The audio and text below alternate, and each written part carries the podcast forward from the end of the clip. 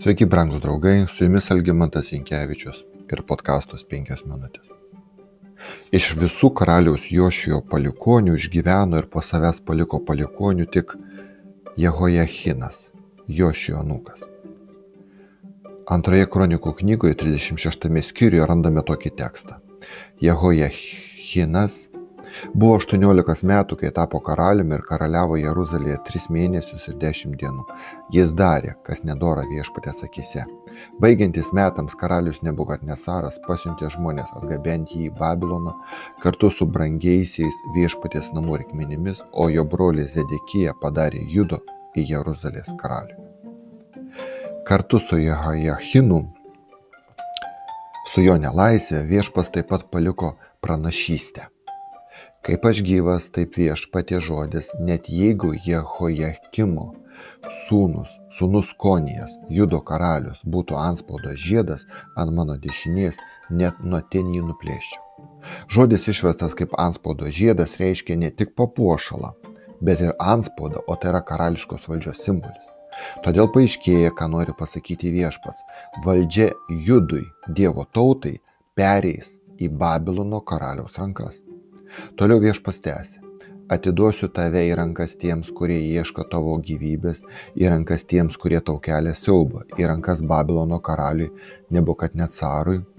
Ir chaldėjams nublokšiu tave draugė su tavo motina, kuri tave pagimdė, į kitą kraštą, kuriame negimėte ir ten jūs mirsite, į kraštą, į kurį trokš grįžti, jie nebegrįž ar šis žmogus konijas nėra puodas šlamštas skirtas sudaužyti indas kurio niekas nenori?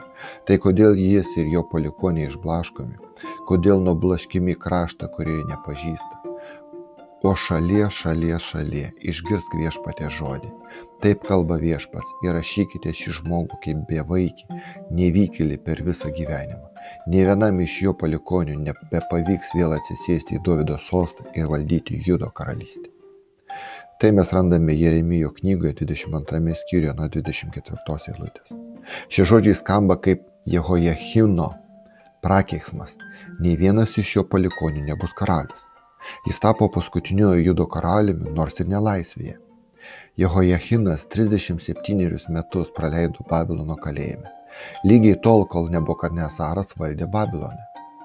Tačiau, kai karaliavo vyriausias jo sūnus Avel Mardukas, jis iš kalėjimo paleido 55 metų Jehojachiną ir išaukštino jį gražindamas jam Judo karaliaus vardą. Taigi Jehojachinas yra ne tik paskutinis Judo karalius, bet ir karalius be karalystės. Jis paliko gausių būrių palikonių, tarp kurių išsiskiria jo nukas Salatėlio sūnus Zarababelės. Mato pirmas skyrius 13 eilutė. Sename testamente tas vardas truputėlį, truputėlį parašytas kitaip. Pirmą kartą judėjai grįžo iš nelaisvės, kai Persijos karalius Kyras pavedė statyti Jeruzalės šventyklą. Zorobabėlis, kaip jau dabar parašyta Senajame testamente, būdamas Medo Persijos karalystės Judo regiono valdovas, nebuvo vadinamas karaliumi, tačiau tuo pačiu metu per pranašą Agėją viešpats patikino, kad Jehojahino prakeiksmas bus panaikintas. Agėjo knyga, šešto, antras skyrius nuo šeštos eilutės skamba taip. Kreipkis į judo valdytoją Šaltiėlio sūnų Zerubabelį, vyriausiai kunigą. Kas tarp jūsų dar yra gyvas, kuris matė šių namų pirmykštę šlovę? Kaip jums dabar jie atrodo, argi jie ne niekas jūsų akise? Tačiau dabar drąsos Zerubabelė, tai viešpatė žodis, drąsos vyriausios kunigė, kunigė Zechod Zechocadako sūnau Jozue, drąsos visi krašto žmonės, tai viešpatė žodis, imkitės darbo, juk aš su jumis, tai galybių viešpatė žodis.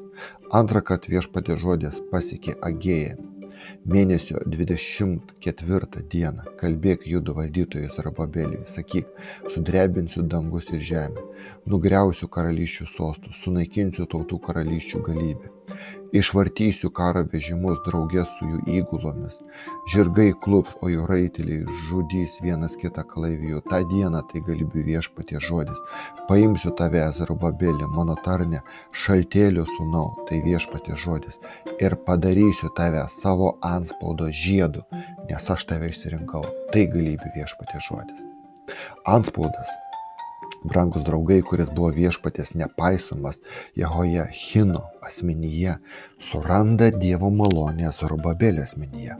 Tačiau tikroji šios pranašystės prasmė rodo vienintelį, vienintelį Zorobabelio palikonį, kuris bus vadinamas Izraelio karaliumi. Brangus draugai, tai yra mūsų viešpats Jėzus Kristus.